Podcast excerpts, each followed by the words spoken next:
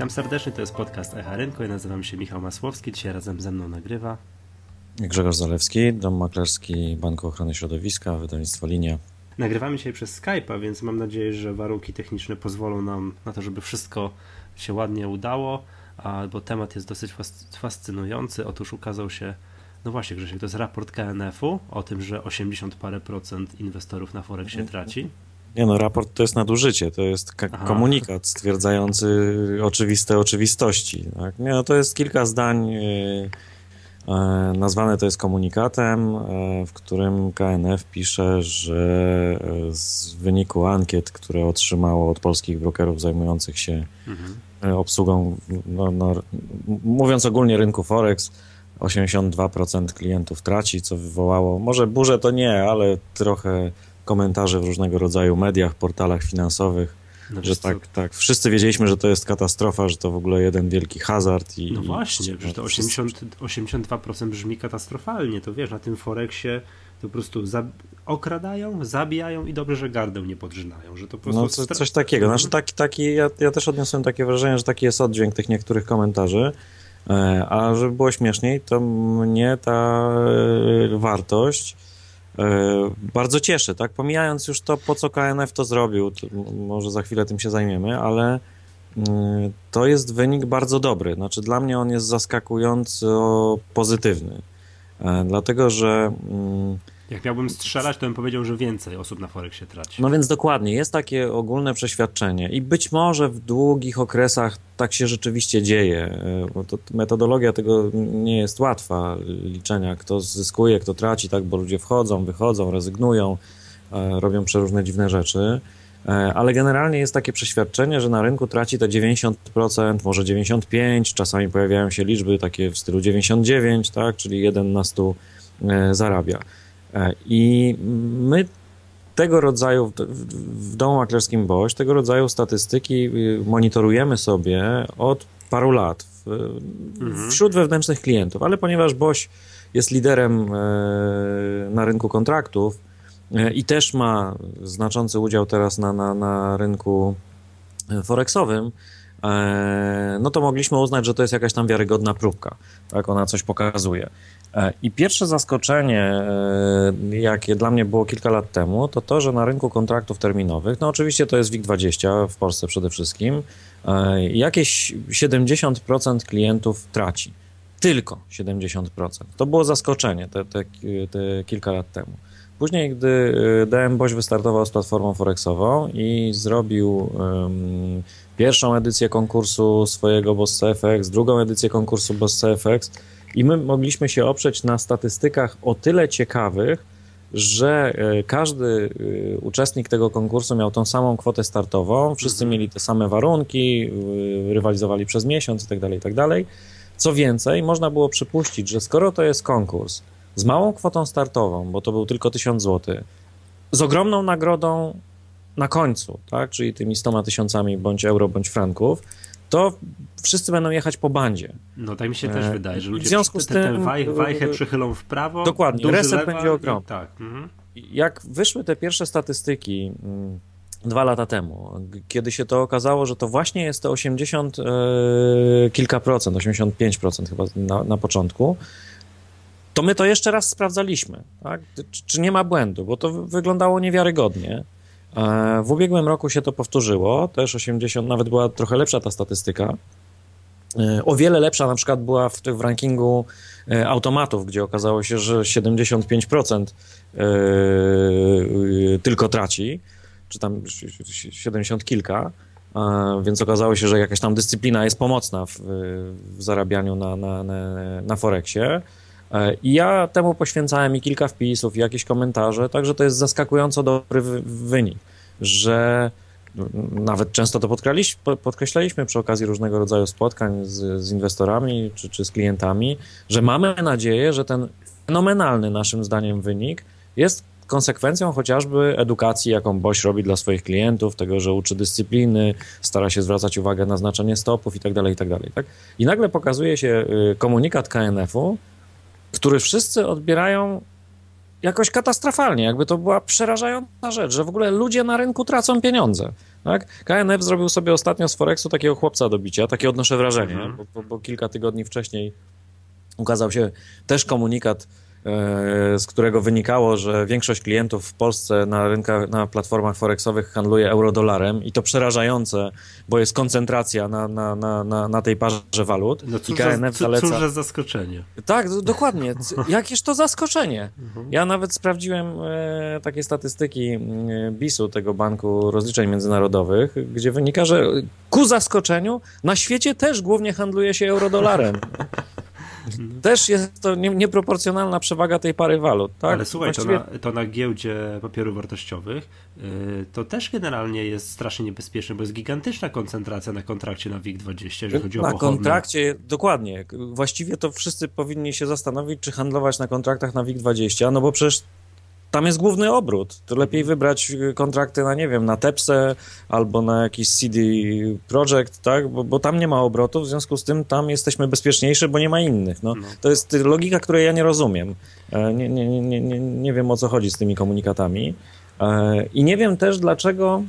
Znaczy, właśnie to jest największy problem. Ja, ja, ja nie rozumiem Mhm. intencji tych komunikatów, tak? bo ja sobie zerknąłem wczoraj przy okazji mm, mojego tekstu poświęconego te, te, tej aktywności KNF-u, zerknąłem sobie na to, co robi, e, nazwijmy to bliźniacza instytucja w Stanach Zjednoczonych, czyli ten nadzór nad rynkiem e, kontraktów e, w Stanach. I oni oczywiście też publikują broszury dla inwestorów, pokazujące rynek Forex jako niebezpieczny, ale ta broszura opowiada o tym rynku, zwraca uwagę na niebezpieczeństwa i mówi, co trzeba zrobić, żeby tym niebezpieczeństwom się nie poddać. Tak? Że, no, no to jest jakaś tam edukacja taka rzeczywiście na tym poziomie bardzo podstawowym, e, ale wskazująca jakieś ścieżki, a nie ma grożenia, nie róbcie tego albo uważajcie, bo to jest straszne. No, ja- jak nadzór rynku y, mówi o tym, że rynek jest straszny, no to ja nie wiem, to, to wszyscy powinniśmy się zastanowić, czy my w ogóle dobrze robimy, tak? Giełda, znaczy rynek akcji jest straszny, obligacje, jak wszyscy ostatnio nagle odkryli, że obligacje przedsiębiorstw są strasznie groźne, tak? Bo, bo to też jest zaskoczenie. E, No, generalnie można powiedzieć, że w 20 roku istnienia giełdy papierów wartościowych, w 21 roku istnienia giełdy papierów wartościowych e, i rynku kapitałowego w Polsce, niektórych zaskakuje to, że rynek jest ryzykowny. No tak, tak, no zgadza się. Wiesz co, ja y, dobrze to mm, z twojej wypowiedzi wyłuskałem jedną rzecz, która mi się generalnie podoba, bo jeżeli reklamujemy rynek Forex, tak, reklamujemy, wy reklamujecie jako instytucja, która posiada platformę, to pierwsze i najważniejsze tego nie można reklamować jak picia mleka.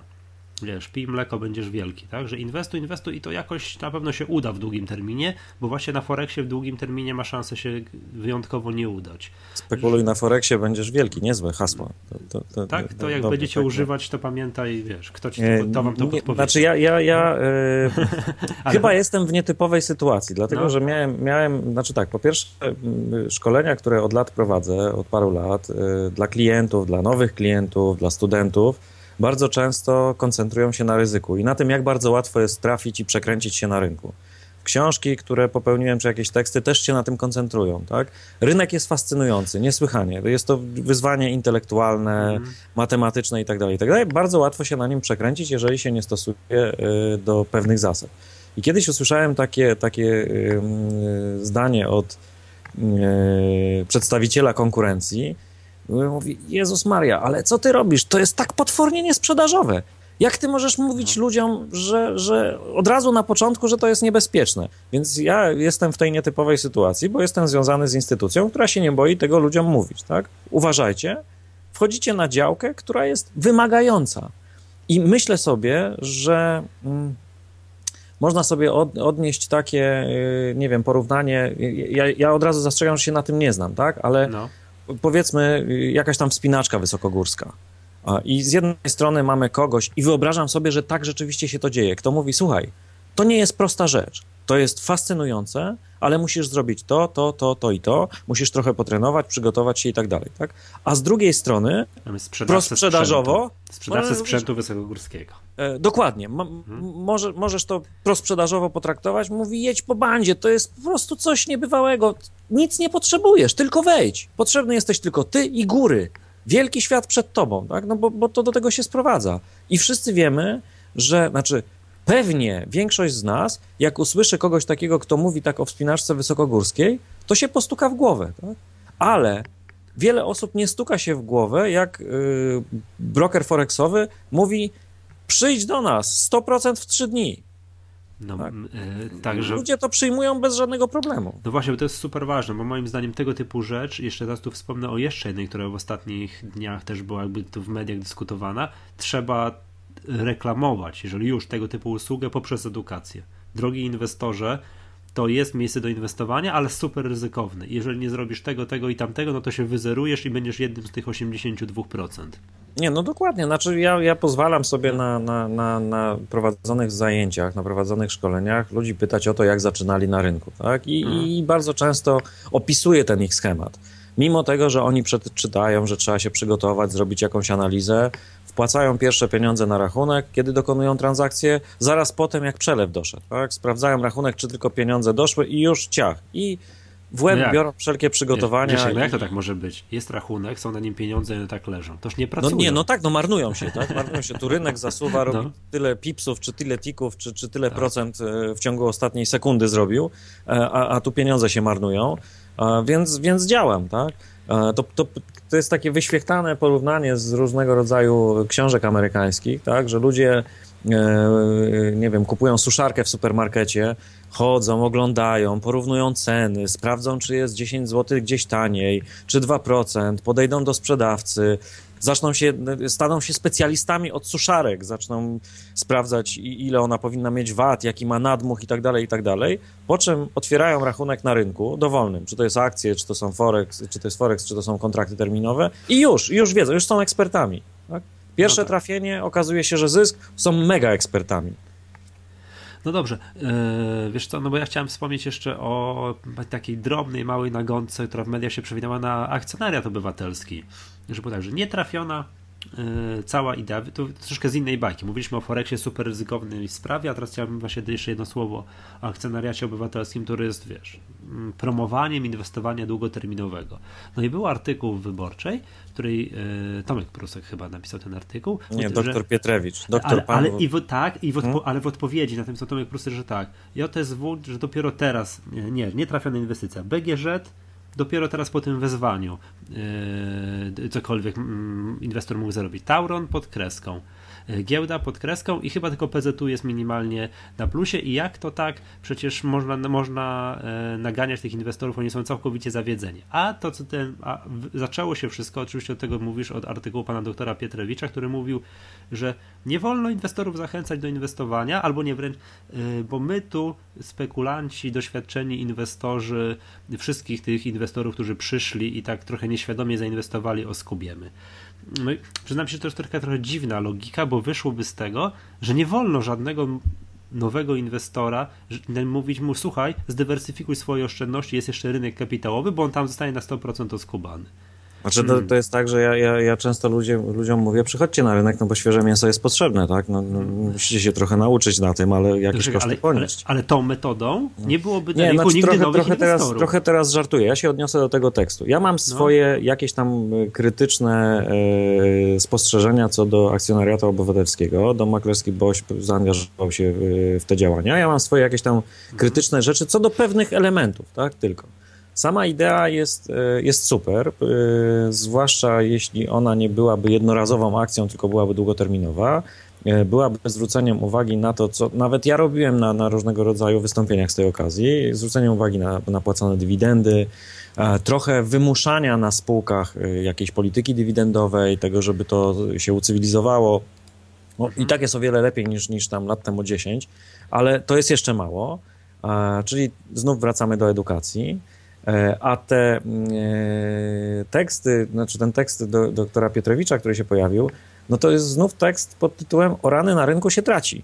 Tak. E, no ja, no, ja tak, nie tak, rozumiem. Tak, dokładnie. To jest właśnie, to jest właśnie to, mówię, to jest tekst z tego samego cyklu, tak? Tutaj znaczy ja akurat traci, teksty doktora... Akcjona, akcjonariat obywatelski jest nieudany, bo przecież ci inwestorzy stracili i są oni świeżym mięsem, my, doświadczeni inwestorzy, ich wycyckamy, w związku z tym akcjonariat obywatelski jest B. Hmm. Znaczy, no. to, to, dla mnie jest to. Ja ten tekst odebrałem y, jeszcze w innym wymiarze niż pewnie większość czytelników czy większość odbiorców tego tekstu. bo mm, całkiem niedawno rozmawiałem o, o panu y, doktorze Pietrewiczu, y, jak też wspominałem go, chociaż nie z nazwiska, w, w książce napisanej wspólnie z Tomkiem Zaleśkiewiczem, y, Droga Inwestora, o takim typowym schemacie, że jak rynki spadają i są gdzieś w, w, okolicach budowania dna czy formowania dna, to wtedy w mediach bardzo często pojawiają się jeden albo kilka tekstów mówiących ogólnie że y, ktoś występuje z tezą, że rynek kapitałowy jest bez sensu, trzeba się zastanowić, czy on w ogóle powinien istnieć i czy w takiej formie. Tak. Y, no i taki tekst popełnił dr Pietrewicz w 2008 roku, dokładnie w dołku. I ja sobie ostatnio, zanim ten tekst, o którym teraz rozmawiamy, tak, czyli ten o tak. tym akcjonariacie obywatelskim yy, się ukazał, ja nawet niedawno o nim rozmawiałem, że to było zabawne, że takie właśnie utyskiwanie człowieka, że to jest wszystko bez sensu, E, on jeszcze tam zwracał, wymienił spółkę, mm, zdaje się HTL Strefa i tak narzekał, że ta spółka jest źle wyceniana, że ci inwestorzy są nieracjonalni. I tak sobie pomyślałem, że no tak, no dobra, no każdy z nas ma błędne inwestycje, no to nie powód, żeby o tym pisać w gazetach, może tak z nazwy. E, I, i tam kilka mm, tygodni później się ukazał jeszcze wywiad z, z doktorem Piotrowiczem i on w tym wywiadzie zapytany o to, jak sobie radzi na rynku, powiedział e, takie fajne zdanie, E, które mogło być mottem do, do naszej książki, e, tej napisanej mhm. wspólnie z Tomkiem Zaleśkiewiczem, że generalnie nieźle, no niestety ma tylko problem z własną emocjonalnością, tak, z realizowaniem zasad. No czyli takie nie wprost przyznanie się, że, że nie, nie idzie najlepiej, no ale jest bez... a, a, nie dodał tam zaraz po tym, ale zaraz jak mu się uda wyłączyć emocje, to, to już by nie, nie, nie, nie, nie, nie, nie, to było na, takie, szczęście, na szczęście nie. Dobra. To było takie ładne podsumowanie i nie, rzeczywiście to były dołki rynkowe, no bo to był ten tak. tam e, początek 2008 roku, czyli tuż w przededniu nowej nowej hossy czy nowej fali wzrostu. Tak. No i nagle teraz pojawia się ten tekst, e, w którym właśnie utyskuje znów na jakąś tam ideę, tak jakby, nie wiem, nie, nie rozumiał idei rynku kapitałowego, a, a, przede wszystkim tej najważniejszej rzeczy. Na rynku nie zarabia się zawsze e, i, i, i cały czas, tak? I oczywiście jak ktoś żyje y, przekonany, że w długim terminie akcje na pewno rosną i tak dalej, i tak dalej, to on może sobie patrzy na indeksy, które są jakimś tam konstruktem abstrakcyjnym, ale może zapomniał o spółkach typu, nie wiem, Swarzędz, Krosno i wiele innych naszych liderów, yy, które, yy, którzy są notowani od pierwszego, znaczy byli notowani od pierwszego dnia powstania giełdy w 1991 roku. I tyle. I, mo, I, może też zapomina o tym, że rynki są cykliczne, że gospodarka ma okresy recesji, że nie wiem, jeżeli ja prowadzę biznes, jakim jest wydawnictwo w tej chwili, to prawdopodobnie zdarzą się te, takie książki, których sprzedam pięć sztuk i, i, i, to będzie wpadka moja, tak? Że to, że to jest zwykły biznes. No, i, nie, no wiesz co powiem? Tak, tyle. to byłby cud, gdyby wszystkie akcje, gdyby cała akcja akcjonariatu obywatelskiego zakończyła się mega sukcesem. Wszystkie akcje, do których te kilkaset tysięcy ludzi się zapisali, na które, na które oni się zapisali, teraz nagle były plus 25%. No tak, no, znaczy wbrew tendencjom szok, to był rynkowym. Szok. Tak? To, tak. To, to, to, wypadałoby, żeby rynek robił sobie, a akcjonariat obywatelski sobie. Tak? No tak, a... bo jeżeli tak nie robi, no to to jest wypaczona idea, sam rozumiesz. Nie, no, znaczy nie rozumiem, ale. nie no. Znaczy, ja, ja, ja wspomniałem na początku przy okazji tej, tej całej idei i jakichś tam moich krytycznych y, spostrzeżeń i tego braku edukacji o dywidendach, tak? Mhm. Y, ja ja pamiętam jeden z moich pierwszych tekstów y, o dywidendach, jaki napisałem, chyba w 97 roku e, albo w 96, będąc jeszcze y, nieopierzonym dziennikarzem i uczestnikiem rynku od, od kilku lat, kiedy to popełniłem tekst zwracający uwagę na to, że stopa dywidendy, w ogóle tak, dywidendy płacone przez polskie spółki y, to jest tam kilka procent, że więcej było przed wojną i to przed, przed pierwszą wojną światową na, tej, na, na tych naszych kilku giełdach i kilku akcjach, że, że większy odsetek płacił dywidendy. Nie wspominając już o mikrym poziomie. Tak? No wtedy stopy procentowe w Polsce były dwu, dwucyfrowe, więc to już w ogóle było e, horrendalne. To się zmieniło. W tej chwili dużo spółek płaci dywidendy. Jest część spółek, która od kilku przynajmniej lat płaci regularnie dywidendy i wszyscy o tym wiedzą. Ale jest jedna rzecz, która nas odróżnia od rynku amerykańskiego, e, do którego ja się lubię porównywać, mhm. znaczy lubię odwoływać a która chyba mało kto, mało która spółka w Polsce zauważa, jakie to ma, mogłoby mieć ogromne znaczenie dla utrzymania długoterminowego akcjonariatu. I mówię to ja jako spekulant. Czekaj, tak? niech zgadnę, Posie- niech zgadnę. posie- Czę- Częstsze niż raz w roku płacenie dywidendy. Dokładnie. Kwartalne Mhm. wypłacanie dywidendy. Bądź nawet miesięczne. Bądź nawet Nie, no miesięczne. ten są, standard, są, ten są standard spółki, które płacą są, ale to ja myślę, że to rozliczeniowo jest kłopotliwe z wielu różnych powodów. Ależ oczywiście. Kwartalne to wypłacanie dywidendy to, jest jest- banalna rzecz. Tak? to, To przy- powoduje, że ludzie rzeczywiście od- przywiązują się tak. do tej spółki, że oni widzą to zasilanie tymi pieniędzmi, e, niewielkimi, ale, ale to są stałe strumienie, tak? A każdy, kto się zajmuje oszczędzaniem, inwestowaniem, powie, że stały strumień pieniądza to jest coś rewelacyjnego. E, Nie są zaskakiwani. Jeżeli przyjdzie im do głowy pomysł na to, i znów mówię to jako aktywny spekulant, który nie, nie, nie żeni się ze spółkami, jeśli je posiada, tylko wywala, jak się spełnione zostaną warunki, ale jeżeli ktoś będzie miał akcję i wie, że za dwa miesiące ta spółka płaci dywidendy e, i widzi, że może by ją sprzedał, to pomyśli sobie, a nie, jednak zostawię, bo wiem, że ten przychód będzie, może coś tam się zmieni. I tak się buduje akcjonariat, tak się buduje inwestora długoterminowego. Kolejna sprawa e, to jest sprawa związana mm, z tym e, moim zdaniem absurdalnie źle liczonym poziomem wskaźnika stopy dywidendy, czyli ten, ten dividend yield. Tak?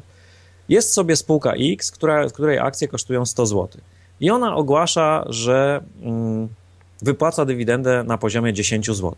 Wszystkie media, wszyscy dziennikarze, wszyscy analitycy piszą, że stopa dywidendy dla tej spółki wynosi 10%. Dobra, jest to zgodne z prawdą w tym momencie.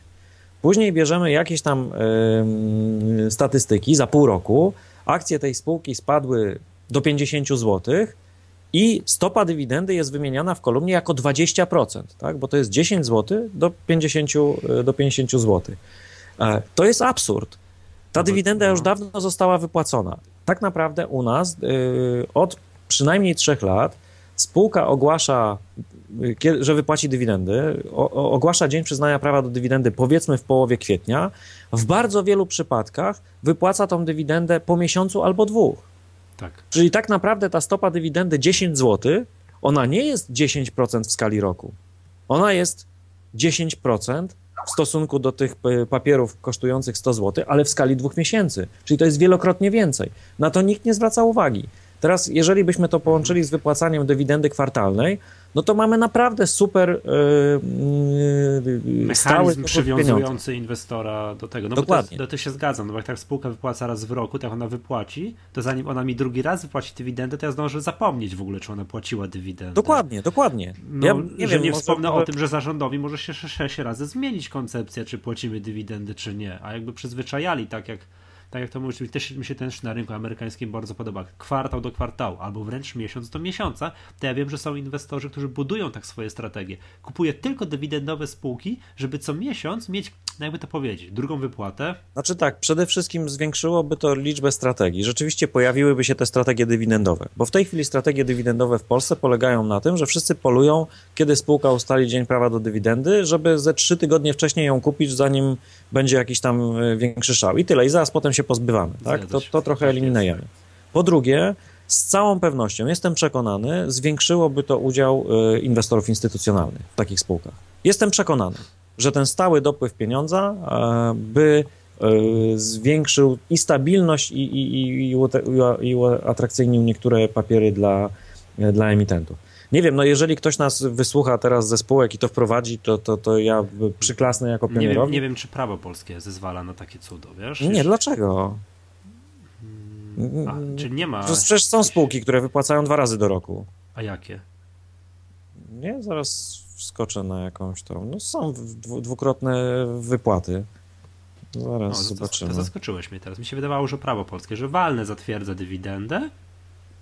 Wiesz, w związku z Nie, tym... ja myślę, że to jak z wieloma e, rzeczami y, na naszym rynku kapitałowym, ktoś zrobił coś lata temu i wszyscy uznali, że to jest pewnik i nikt nie, nie, nie wykombinował, że można, że można jakoś inaczej. Zaraz No, to powiedz mi, że to jest możliwe, to będziemy promować, namawiać spółki, wiesz. Zaraz. To jest, to jest, to jest fajne. Dobrze. Zaraz zerknę tak na szybko w źródła. E, Wezmę za zeszły rok dywidendy, to będzie ich więcej. Data wypłaty dywidendy. Na przykład y, jest coś takiego, co się nazywa Centrum Klima, tak? Czy, czy. Nie znam takiej spółki, ale widzę, że to były dwa terminy wypłaty dywidendy. 16 czerwca i 30 sierpnia ubiegłego roku. E, Kolejna DFP, jakaś spółeczka, również dwa razy wypłacone, czyli to się odbywa, tak? Oczywiście dywidenda jest uchwalona być może raz, e, znaczy dzień przyznania jest jeden, ale wypłaty są częstsze. I to nie wiem, jak rozwiązać, żeby to było efektywniejsze. Ale ja, ja myślę, że to jest, to jest taka rzecz, którą jeżeli by się tylko chciało, e, to można to zrobić, tak? Można zaangażować w to e, KNF i można, nie wiem, dostosować do tego prawo, czy, czy je zmodyfikować, czy sprawdzić, czy na gruncie obecnego się nie da. No jasne. Dobrze, Grzesiek, sobie pięknie Ci dziękuję. Zaczęliśmy od Forexu, skończyliśmy na, dywidendę. na politykach dywidendowych spółek giełdowych i czy może jakieś zmiany by były. Podsumowując, mm, i Forexu, i akcjonariatu obywatelskiego, inwestowanie w spółki dywidendowe nie reklamujmy metodą pij mleko, będziesz wielki. Zaczynajmy od edukacji. No, To w dużym tak, stopniu. no edukacja, no dokładnie. Ja się Edukacja. z tym zgadzam. Staram się to robić od paru lat, więc Mhm. Dobrze. To, to co, widzimy się na Wall Streetie, z tego co kojarzę. No tak, zapraszam. Jasne. E, tak, to, to co, to był podcast Echa Rynku. Ja nazywam się Michał Masłowski, dzisiaj razem ze mną nagrywał. Grzegorz Zalewski, dziękuję bardzo. Do usłyszenia następnym razem.